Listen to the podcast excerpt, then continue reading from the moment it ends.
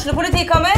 Ine Jansen er purk. Er du purk? The motherfucking bitch. Alt jeg vil, er å finne ut hva som skjedde med mannen min. Jon Carew. Er jeg sikta for noe? Iben Akeli. Det er du. Ole So, Lars Berrum og Big Daddy Karsten. Hvem sin side er du på, egentlig? Anette Hoff, Tone Danielsen, Kommer du fra Afrika?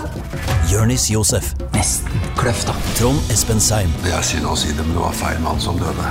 Purk. Premiere tirsdag på TV2 Play.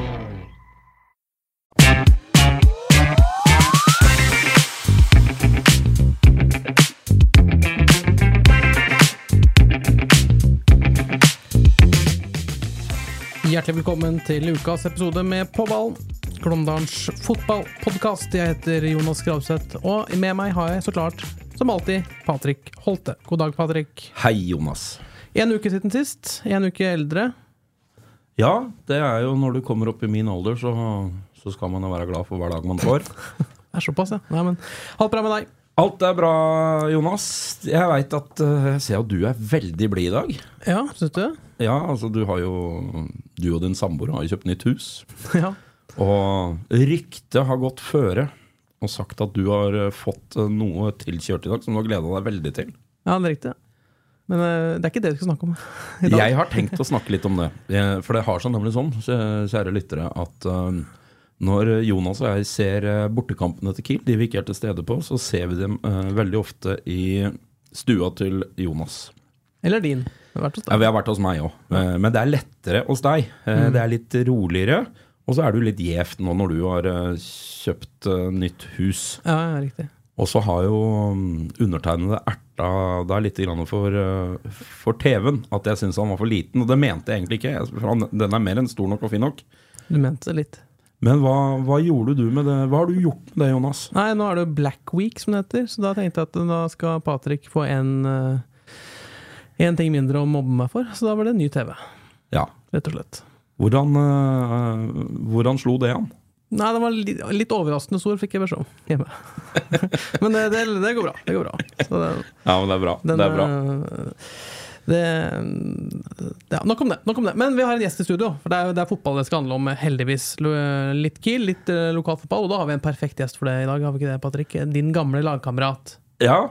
Eh, I dag eh, kan jeg jo bare Jeg kan jo meddele med en gang. I dag kommer jeg til å være inhabil hele, hele programmet. Ja. Uh, Det er en tidligere lagkamerat. Er uh, en av mine aller beste venner. En som spilte seg til en veldig stor plass i hjertene til Kiel-supporterne. For ja Han har vel aldri Han har vel aldri gått av banen uten å ha grønske fra, fra haka og hele veien ned. Men eh, velkommen til studio, Lars-Erik Fremming. Tusen takk for det, gutter. Det var hyggelig å bli invitert.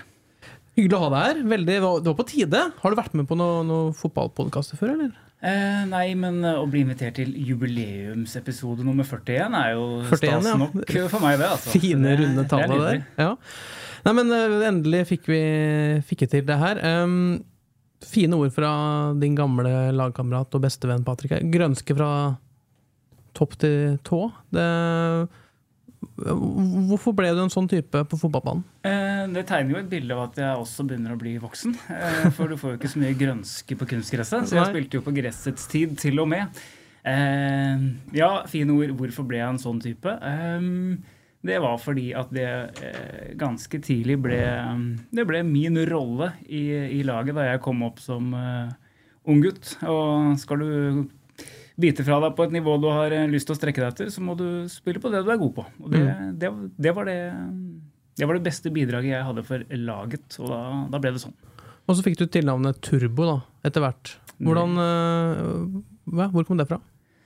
Du, jeg Eller vet hvem? ikke hvor det kom fra. Det kom fra noen supportere. Eh, men det er sånn Jeg tror kanskje det oppsto på La Manga et eller annet år eh, sammen med Hans Knutsen, mitt første år på La Manga. Jeg tror det var der det hele starta. Men eh, Patrick er bedre på historiske anekdoter enn det jeg er. Så ja. det kan være derfra. Ja, jeg, jeg tar ikke helt eh, eksakt når og hvor navnet kom. Eh, av den enkle grunn at jeg tror kanskje du hadde det allerede begynt å få det navnet før jeg eh, kom tilbake til Kiel i 2003. Så jeg mistenker at du har rett, at det kanskje kom uh, sesong eller to før. Ja, Jeg, jeg veit ikke. Ja, For hadde det vært opp til deg, så hadde det vært et annet kallenavn. Eh, nei, altså det, jeg, kan jeg er jo veldig takknemlig for at Lars-Erik hadde den spillestilen han hadde. For, han, for de som husker ordentlig godt Nå skal vi jo vi skal, vi skal jo 20 år tilbake i tid. Så, så spilte jo jeg ytterst på kanten. Lars-Erik spilte innafor meg på midten. Vi spilte jo 4-3-3. Lars-Erik var indreløper, og jeg var kant. Og han forlenga jo min karriere med opptil flere år. Eh, han, han sparte jo meg for mye meter, spe, spesielt hjem. Eh, så, så, så var jo veldig, det var jo veldig takknemlig det at, uh, at vi hadde en sånn fin deal der. At han sprang, jo, han sprang for to, og jeg sprang for en halv. Og da, da gikk det sånn Og, og det ble jo to og en halv.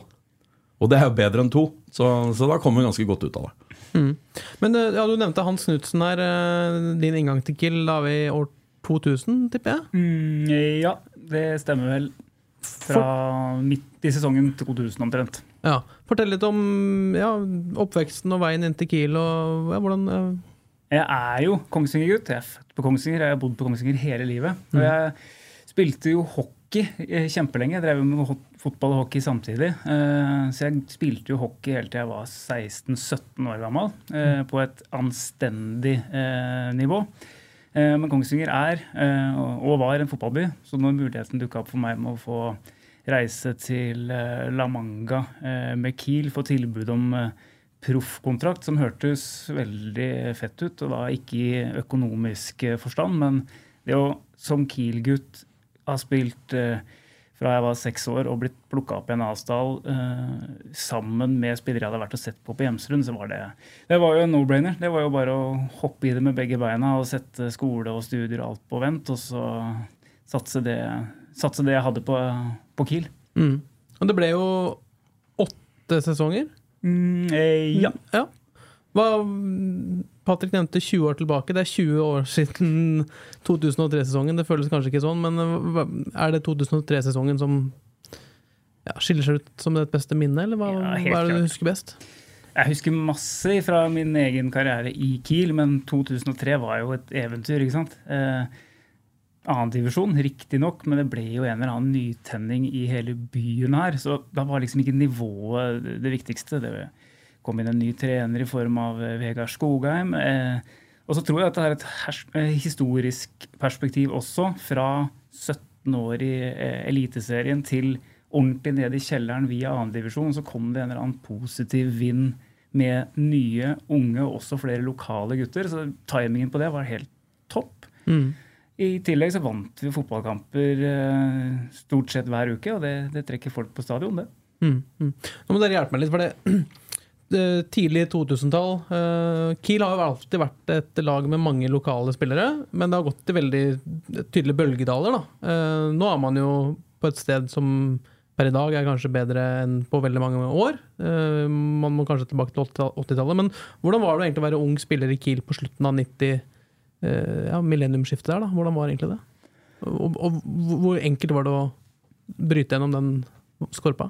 Det var, det var jo annerledes, fordi at eh, vi som ble tatt opp da, eh, og kom opp i avstanden, kom jo gjerne som en konsekvens av at økonomien var på vei rett ned i kjelleren. Mange spillere som hadde vært her på eliteseriekontrakter og hatt, eh, hatt lønninger som klubben ikke klarte å betjene. Eh, så ble jo antallet unge lokale spillere i troppen ble jo helt sannsynligvis eh, unormalt høyt. Men det var det valget klubben hadde. Eh, så, så inngangen til Kiel var jo kanskje enklere for oss som den er i dag. hvor Klubben er på et helt annet sted og kan egentlig ja, plukke litt mer. Da. Jeg tror faktisk mange av oss fikk muligheten eh, fordi at da hadde dere ikke så veldig mye al- alternativer.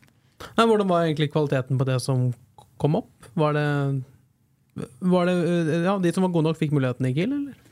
Ja, alle lokale som kom opp og fikk muligheten, ble jo ikke med hele veien. Noen fikk jo en halv sesong, en sesong. Mange har fått to, tre, fire kamper. Så du fikk ikke spille på, på Blå Kors. Eh, Du måtte prestere og vise at du hadde noe der å gjøre. Og ikke minst ha en mentalitet da, til å faktisk stå i det, være med på et nedrykk, sitte på benken, øh, vente til det er din tur, og ta vare på den når du får den. Mm, mm. Men øh, ja, det ble Til og med 2008-sesongen, så var det over. Yes. Hva skjedde? Lang historie kort. Kontrakta mi gikk ut seint 2008, eh, samtidig som jeg hadde, tok en planlagt operasjon. Mm. Så skulle egentlig jeg reise videre til, eh, til eh, Manglerud Star, eh, som da var i Det heter vel Adeccoligaen da, gjorde det ikke det, Patrick? Det stemmer. Eh, Det var veldig spennende. Det var, eh, Hvis jeg husker riktig, så tror jeg både Karl Erik Torp og Arnar Førsund var der da som, eh, som Ka Karl Erik hadde kommet til Kongsvinger. Ja, Kalle hadde kanskje kommet. Ja.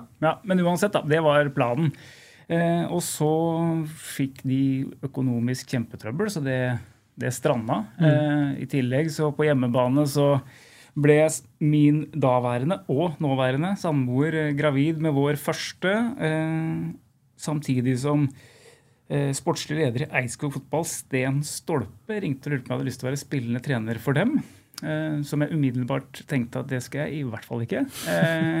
Og så ble det lokalfotball i ti år til. Så det, det er den lange historien, som sagt, komprimert. Men eh, jeg veit jo det er en del lokaltrenere rundt omkring som fortsatt eh, lurer på Har du lagt opp.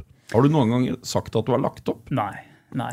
Jeg er inne på covid-pause. Jeg var ikke kommet i gang igjen.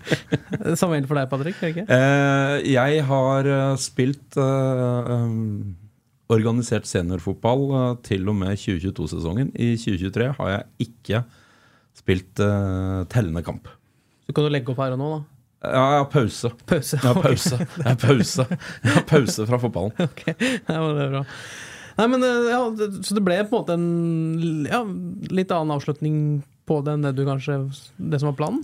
Ja, jeg tror til og med jeg har sagt det rett ut til uh, Espen, som er uh, selveste sjefen i Kiel nå, at eh, jeg skal i hvert fall ikke bli en uh, breddefotballfyr lokalt i mange år etter at jeg er ferdig i Kiel. Eh, og det var akkurat det jeg ble. Så to år på, um, i Eidskog fotball, eh, flere år eh, i Grue som spillende trener, eh, et par av de sammen med Patrick. Jeg har vært eh, eh, spiller på Sanner. Eh, det som jeg ikke skulle. Det, er, det, har, det har vært skikkelig gøy. Jeg angrer ikke ett sekund på de åra i breddefotballen. Det eneste jeg angrer på, det er at jeg eh, ga meg på eh, mitt toppnivå for tidlig. Men eh, det er historie nå. Men når du går ifra eh, For jeg har ikke vært igjennom den reisa sjøl. Jeg valgte jo ikke spille fotball, mer eller mindre. Altså, når jeg ga meg i Kiel, så slutta jeg å spille fotball. Eh, Og så, Jeg la ikke opp, men jeg slutta å spille fotball. eh, Og så begynte jeg i Vinger FK i sjette divisjon, altså så langt ned i divisjonssystemet som mulig.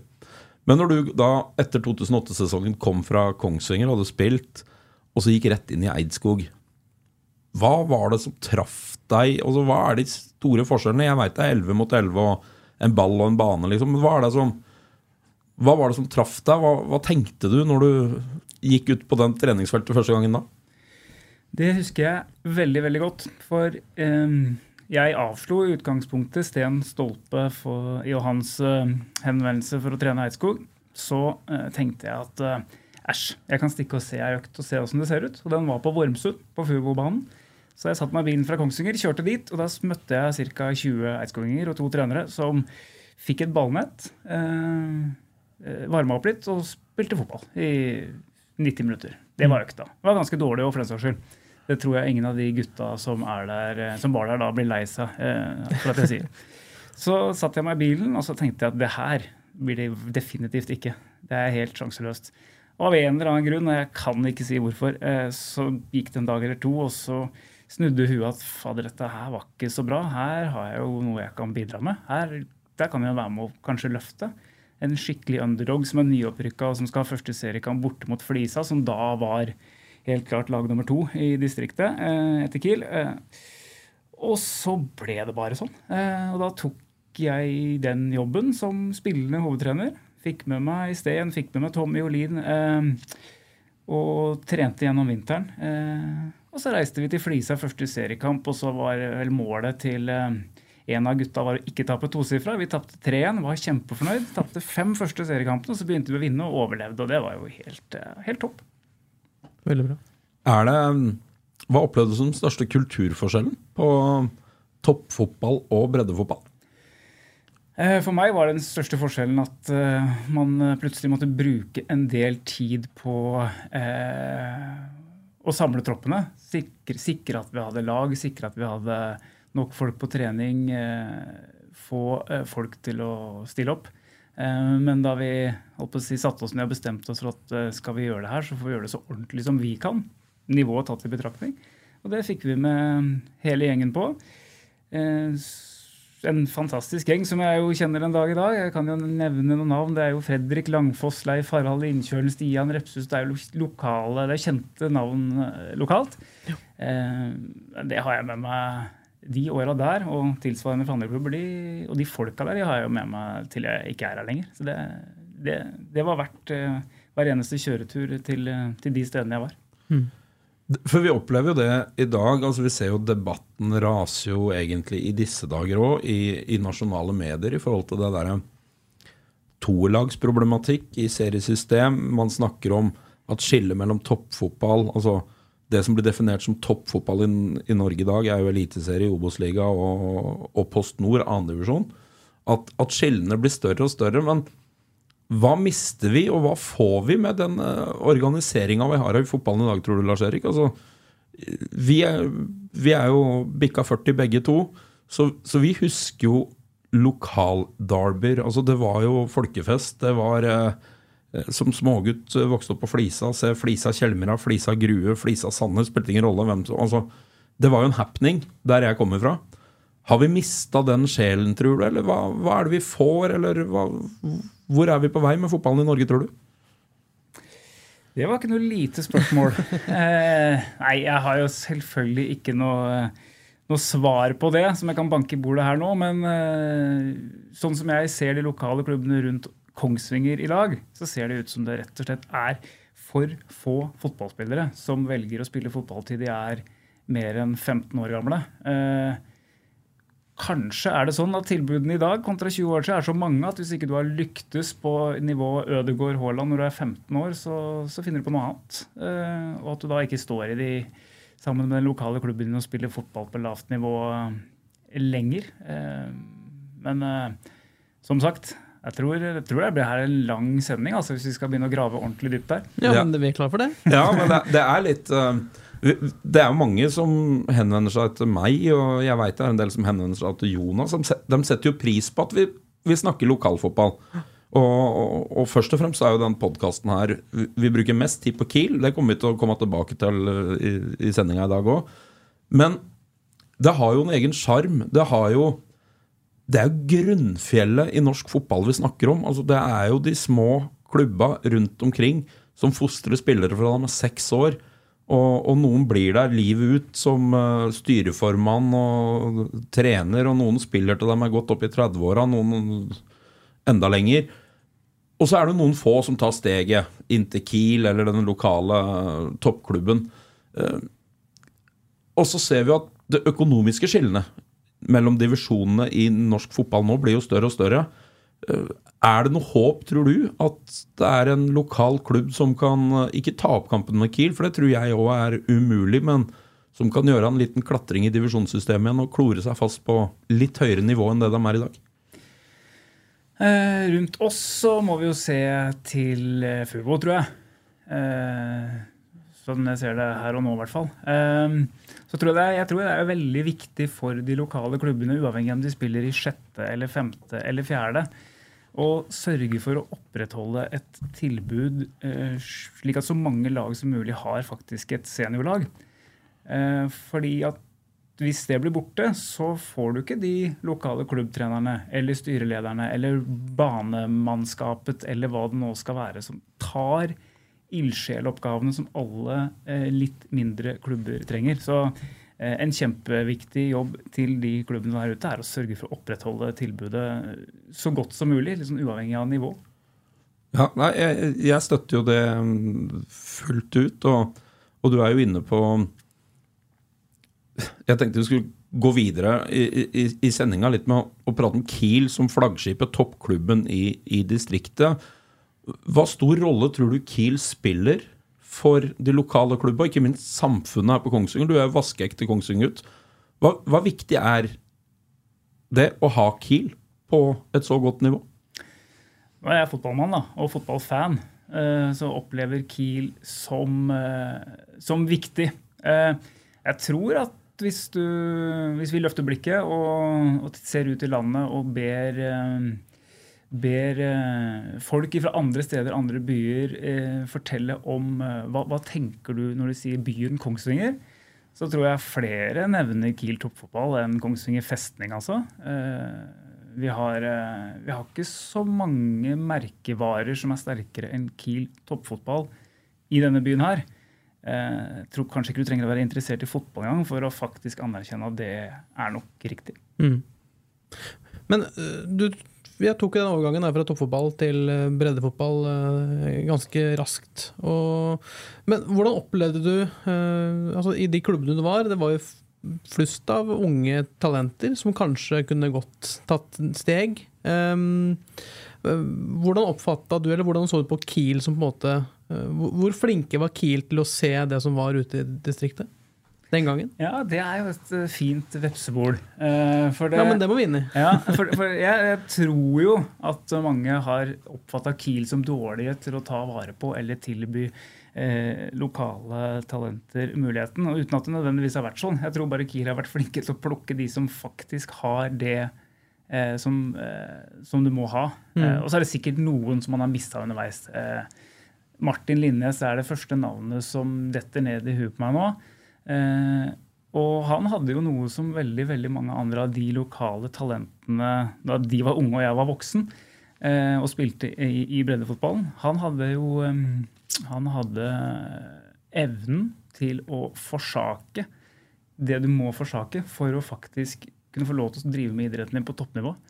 Eh, du får ikke vært russ og eliteseriespiller i samme sesong, altså. Det, det valget må du ta.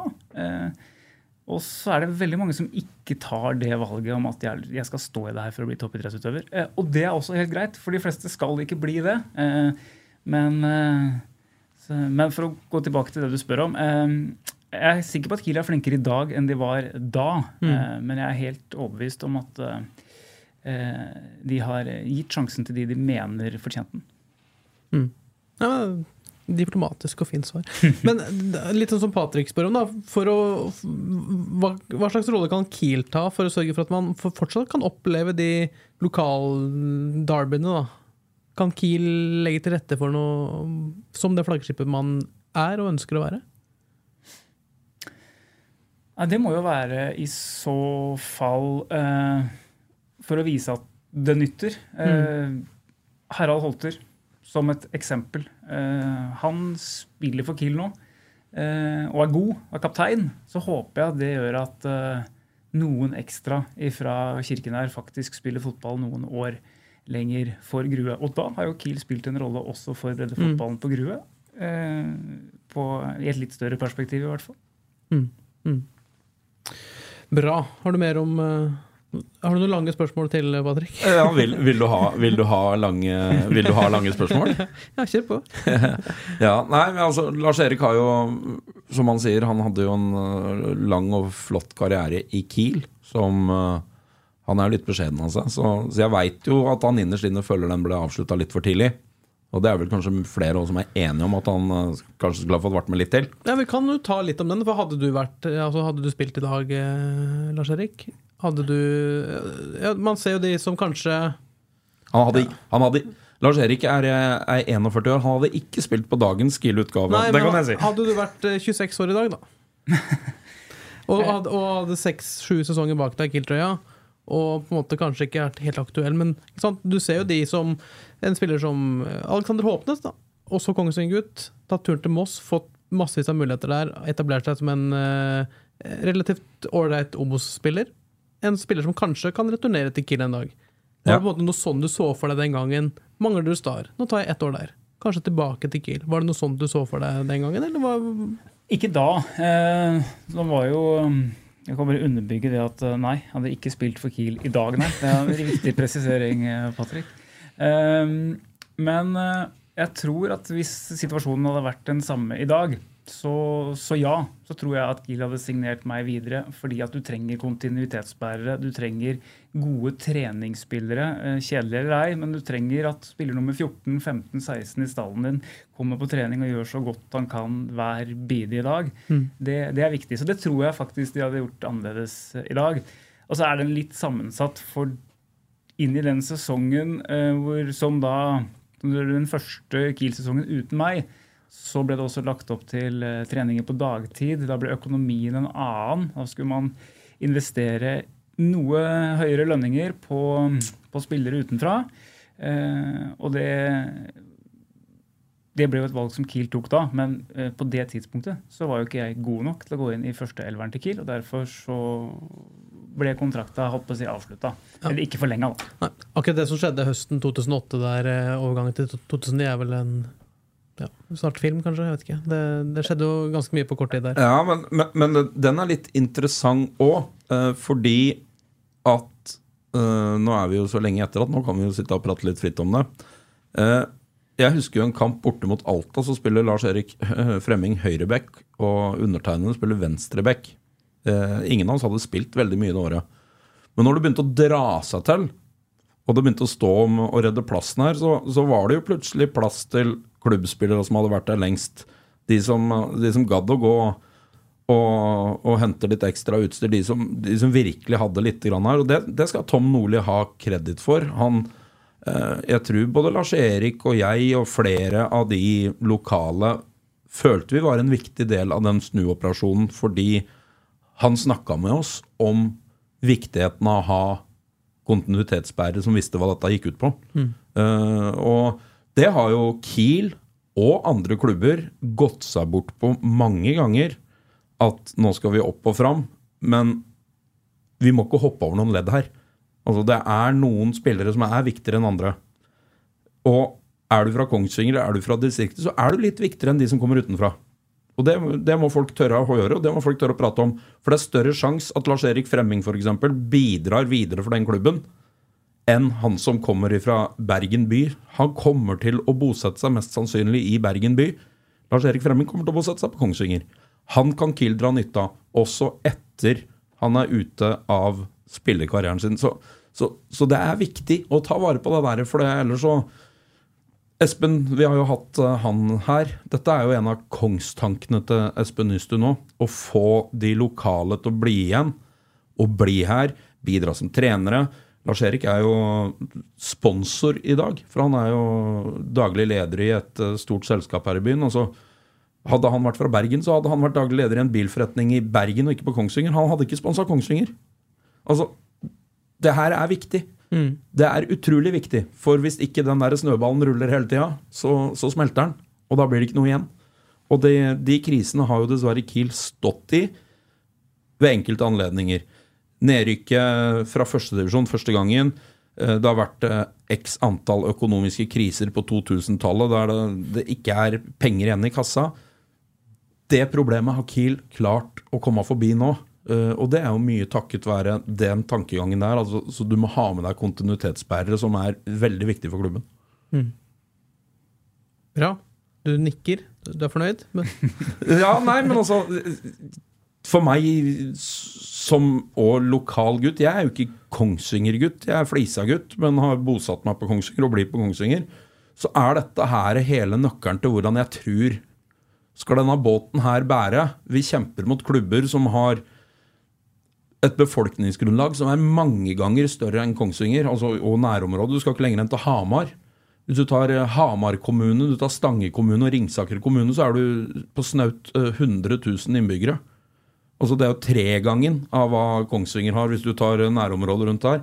Og, og da får du litt andre synergieffekter, fordi at det er så mye folk der.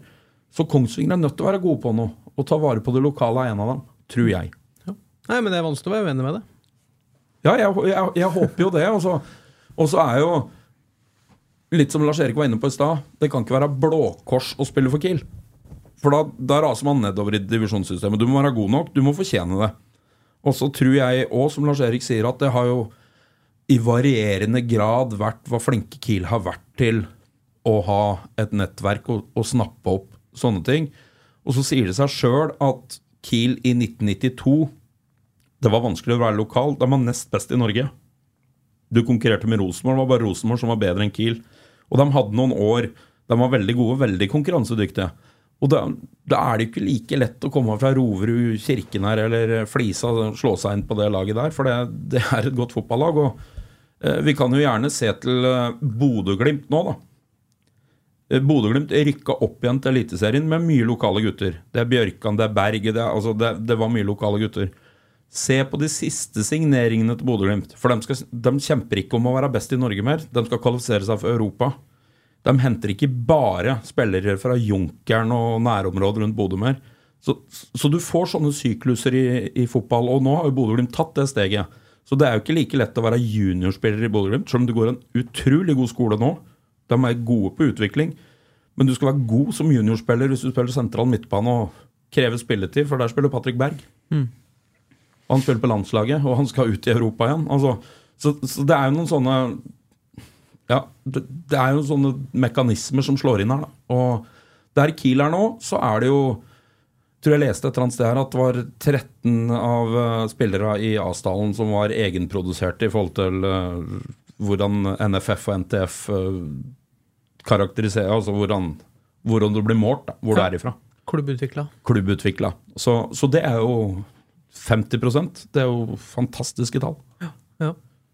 Nei, gode, gode tanker, Patrick. Og som sagt, det er vanskelig å være uenig med deg. Men jeg, jeg har lyst til å skru tida litt tilbake, for vi, det er fortsatt litt å snakke om uh, karrieren til uh, Lars-Erik her. Det er, uh, jeg, har googla det før sending.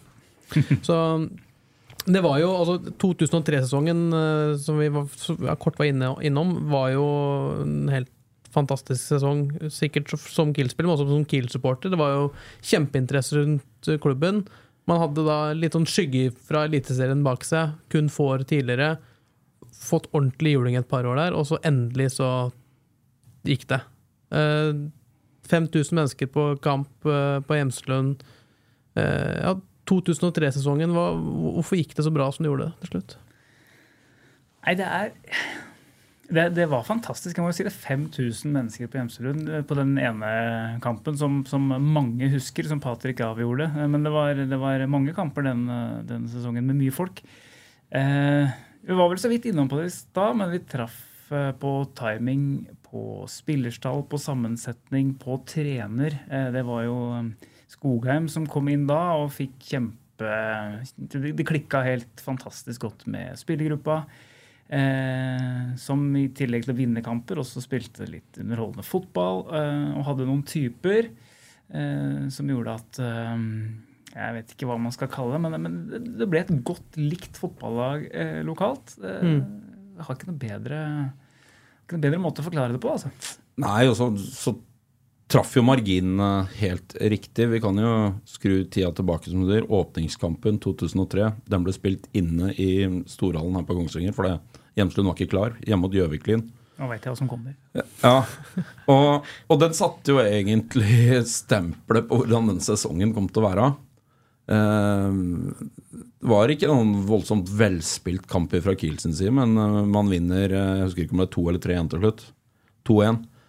Og hadde VAR vært på den tida, så hadde jo Lars Erik blitt utvist i den kampen. Eh, Det kan jeg skrive under på. Slapp unna med et eh, gult kort, som jeg hvis jeg ikke husker feil, så protesterte du litt på det òg. Du, du mente jo tydelig at du var på ballen. 25 meters løpefart, eh, og takk for maten, og vekk med han Gjøviklin-spilleren. eh, Det satte jo standarden for Dette er det du kan forvente av Kiel i år. Det er full innsats, og det er rett fram, og vi, vi rygger ikke for noen.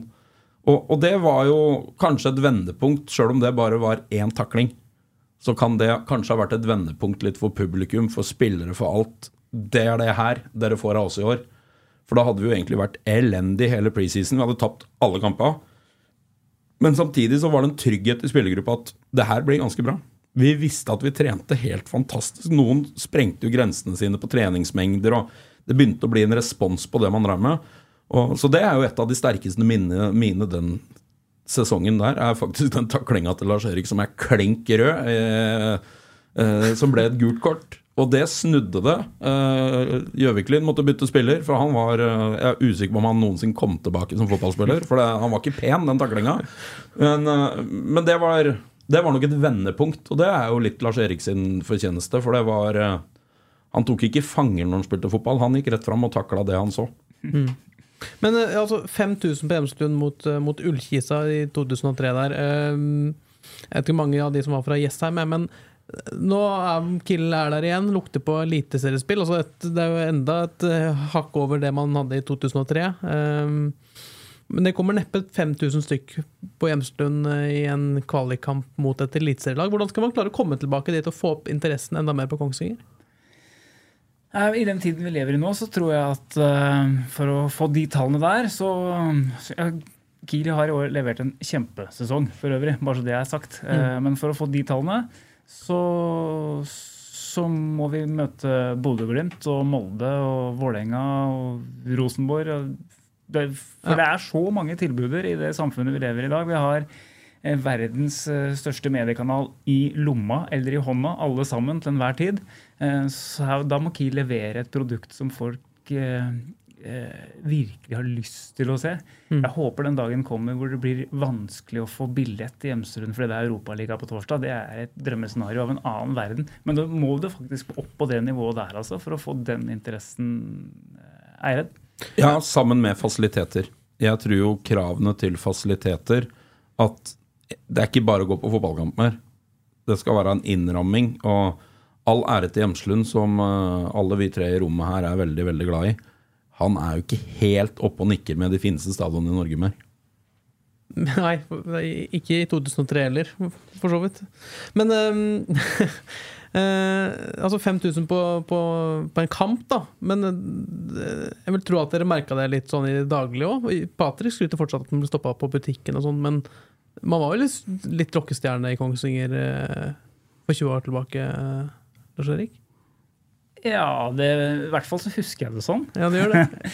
Nei, um, lokalavisen eh, var med på å skape masse blest. Jeg husker at jeg syntes det var kjempekult som eh, 21-22 år gammel Kongsvinger-gutt at Glåmdalen var på trening og satt børs på økta og bygde opp til match. Og eh, om vi alltid beholdt bakkekontakten og var jordnære, fine gutter hele tida da, eh, det tviler jeg på. Men eh, ja, det var kjempekult. Eh, For da var man en liten periode der litt jeg vet ikke om jeg skal si rockestjerne, så får være dine ord, Jonas, men det var i hvert fall veldig kult å få den anerkjennelsen i, i, i sin egen by. Da. Jeg husker at Du hadde et portrettfoto der du stilte opp med trommestikker. Ja. Så det, du, du prøvde litt, da. ja, jeg prøvde litt. Jeg spilte trommer, til og med. Jeg har jo, jeg har jo eh, famøs eh, tittelen Jeg har, jeg har, jeg har sølvmedalje i NM i rock, Oi. eh, faktisk. Eh, så det er jo noe av det som ligger eh, hjertet nærmest, eh, faktisk. Men, men det ble med det, ja. Prøvde litt. Men, men er Lars Erik årsaken, Jonas, til at du òg er trommeslager? Nei, det er den ikke. Jeg kan, jeg kan si Jo, det er det stemmer. Takk. Takk. Nei, men et trommeslager det, nei, nei, det er jeg ikke. Men eh, jeg er glad i musikk, da. I likhet eh, altså, eh, akkurat som eh, Lars Erik. For jeg, jeg fant også fem favoritter, for det var jo litt mer blest rundt Kiel-spilleren eh, den gangen. Fem favoritter. Jeg hadde Glåmdalen et intervju med deg eh, eh, ja, 2006, tenker jeg det var. Ja. Favoritter i 2006? Ja, det er jeg faktisk spent på. Da var det altså en 25 år gammel Lars Erik Fremming som svarte på bl.a. favorittbok. Er, du, du, svar, du, har tre ganske sterke titler, altså. Jeg, eh, det må jo Jeg har en, eh, en som har sannsynligvis gått forbi nå. Eh, Men eh, hvis ikke John Steinbeck er med, så blir jeg overraska. Ja, han er med. Ja. Jeg, eh, jeg tror jeg skal komme med en sånn der innrømmelse. Eh, Jeg tipper, og da husker jeg litt tilbake, jeg tipper at jeg har en, eh, en Oscar Wilde-bok. Ja, det gjør du. Eh, Men den, den, den Jeg vet ikke om jeg skjønte den så godt. Jeg syntes det var så kult. og syntes den var Kult kult. å svare det, ja. Så, og hvis det er en til, så er jeg ikke i nærheten av å huske det. Nei, Levi Henriksen. Feber. Aha, var Ja. den da? Ja. Ja, for Levi hadde jeg jo eh, selvfølgelig nevnt eh, hvis vi hadde fortsatt eh, videre eh, framover.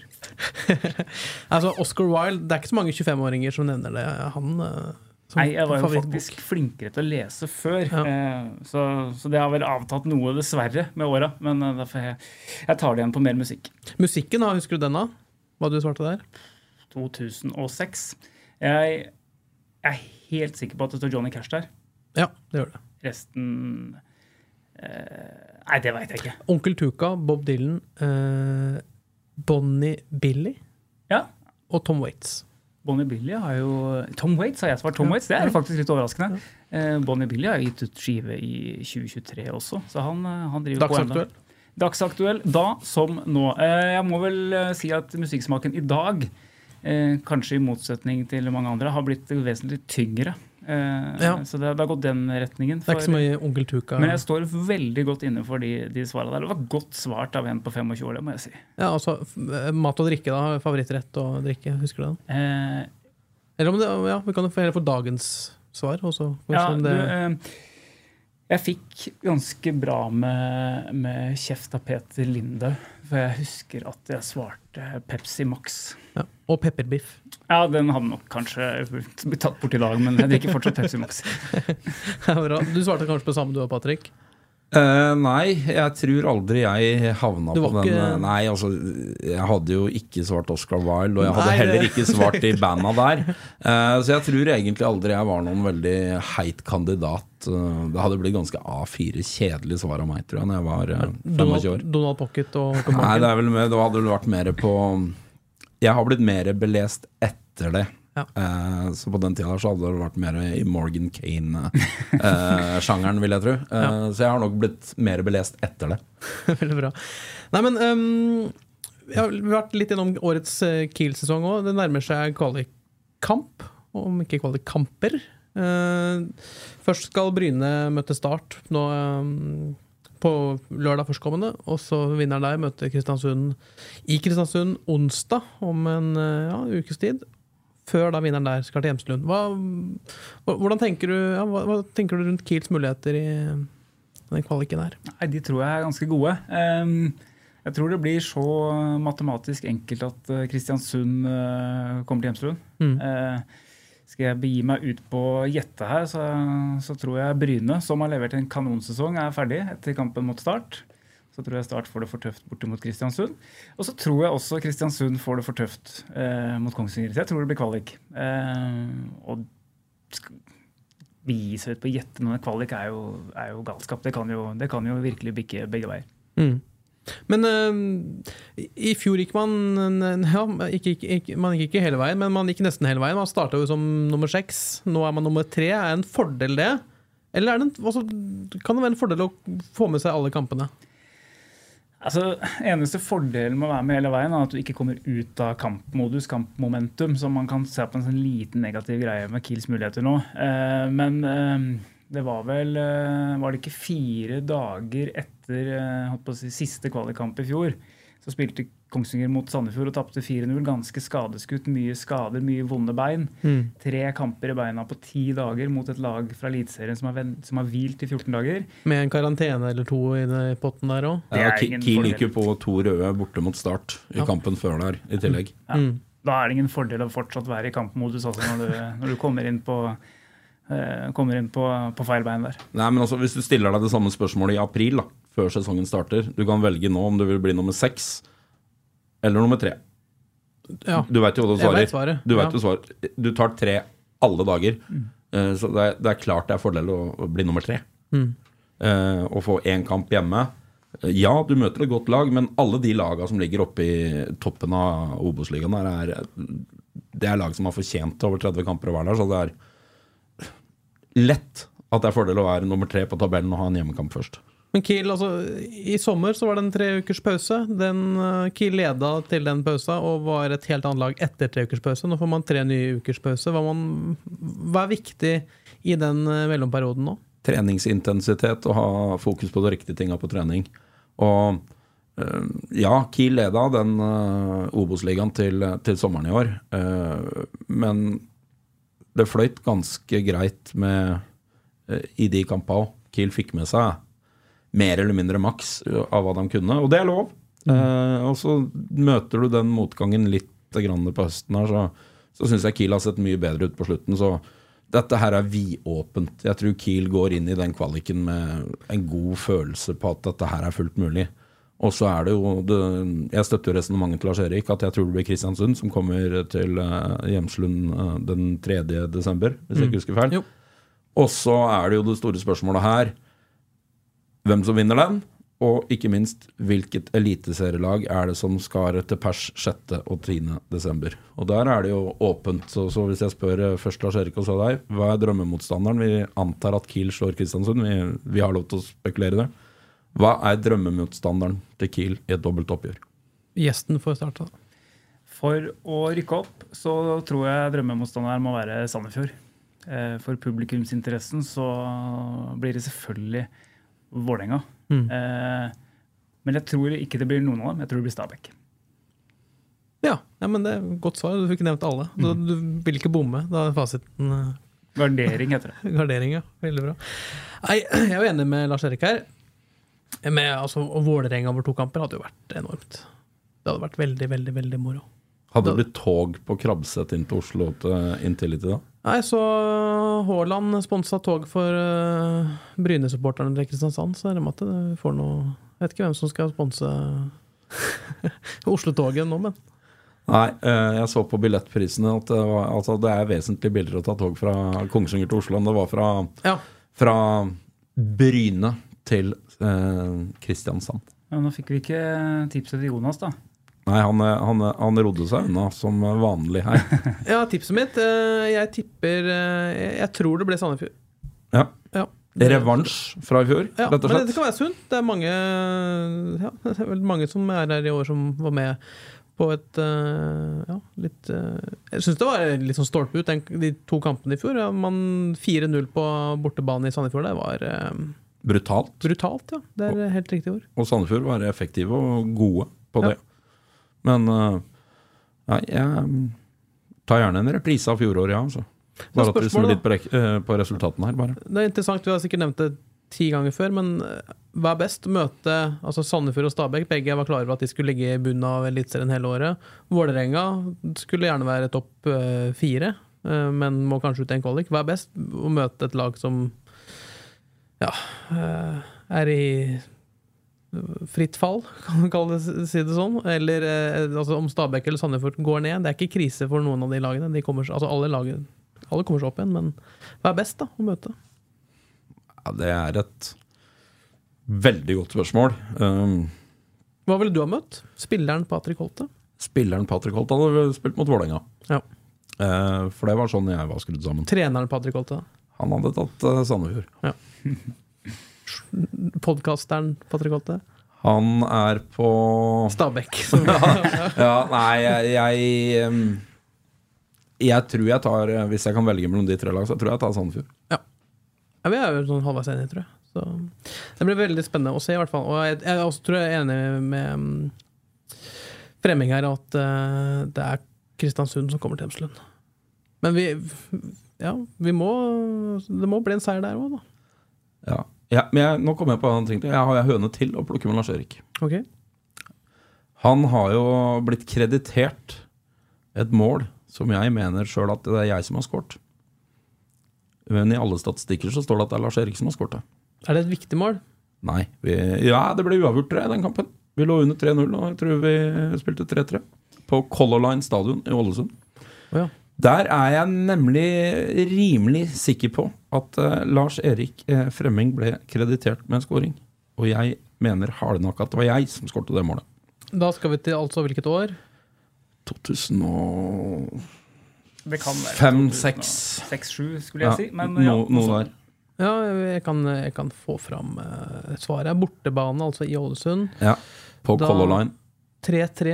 eh, Året er 2006. Da Ja, Lars Erik står da oppført med 3-1-reduseringa, da. Ja. Eh, Rett etter pause der. Før Kai Olav Ryen og Tor Andreas Gundersen. Ja. Det var, det var en kjapp snuoperasjon der. Ja, og der står jo, som sagt, det står at det er Lars Erik som skårte det første der. En fantastisk scoring for øvrig. Som jeg hørte på høyttaleranlegget på Color Line hvem som, hvilket nummer og hvem som ble lest opp. Um, Så det var bare å juble og feire som om eh, du eide hele situasjonen. Det var fantastisk mål. Det var Patrick som scora, Ja. men det er forelda nå, så den er min. Ja, men det, det er helt fair, det. Det var, det var eh, mye av det samme skjedde. Ikke like viktig scoring, men det ble en redusering til Kiel her eh, i, i siste seriekamp mot Moss. Ja. Adam Gyven ble ropt opp som målskårer. Korrekt. Fredrik Holme. Ja. Og det, hvem står i statistikken? Adam Gyven. Ja. Men det er sånn er det da du heter eh, Gyven, kanskje. Ja, øh, men, men uh, verken Fremming eller Holte har det målsnittet som øh, Adam Gyven. Så, så for oss er jo én scoring fram og tilbake eh, det, det utgjør jo stor forskjell på målsnittet. Ja, ja, ikke sant? Ja. Det er bra. Nei, jeg tror vi, vi nærmer oss en slags eh, avslutning. Vi har runda snart 50 minutter. Veldig hyggelig å ha deg på besøk, eh, Turbo. Tusen takk for det. Det er lenge siden noen har kalt meg det. Her hos På ballen heter du faktisk det. Ja, Det fantastisk. tror jeg er viktig. Det er ingen som kaller deg det i det daglige? Nei, ikke så jeg hører det, i hvert fall. Nei. Og det store spørsmålet nå, Jonas, hva skal du videre i kveld? Nei, nå skal jeg som alltid eh, fikse, mikse og trikse på den podkasten her. Og så skal jeg skrive en liten sak til det. Men etter det, Skal hjem. hva skal du gjøre når du kommer hjem? Skal jeg se på TV. På den nye TV-en din? Ja. ja. Nei, det var bare det jeg Du ville fram til. Patrick? Eh, jeg skal eh, hjem. Jeg skal rydde. eh, fordi at eh, min eh, Dette er tynt. Ja, det er tynt. Men, men, men, men, men jeg er nødt til å rydde litt, for min kone har vært bortreist i en eh, snau uke. Å ja. Så, så jeg må hjem og shine litt, grann, sånn at det ser presentabelt når hun kommer hjem. Men med kone da bortsett, eller bortreist en hel uke, da skal jeg tippe en middagsrett som du har diska opp i løpet av en uke. Wienerpølser. Ja, det hadde vi i dag. Hva skal du da, Lars Erik? Du, Nå skal jeg hjem til eh, min gjeng, og så skal jeg forberede morgendagen til noe av det jeg bruker tiden min på, som jeg syns er morsomt, og det er å trene ungdommer. Eh, Så i morgen er det fotballtrening for jenter 2011. Så det skal jeg bruke litt tid på i kveld, og noen timer på i morgen, og det gleder jeg meg til. Veldig bra. Nei, men Da er det egentlig bare å takke for eh, besøket, og takk for at dere som sitter hjemme, eller hvor dere er, eh, fulgte med nok en episode av På ballen. Og så er vi tilbake om en uke. Takk for nå. Har du et enkeltpersonforetak eller en liten bedrift? Da er du sikkert lei av å høre meg snakke om hvor enkelt det er med kvitteringer og bilag i fiken, så vi eh, gir oss her, vi. Fordi vi liker enkelt. Fiken superenkelt regnskap.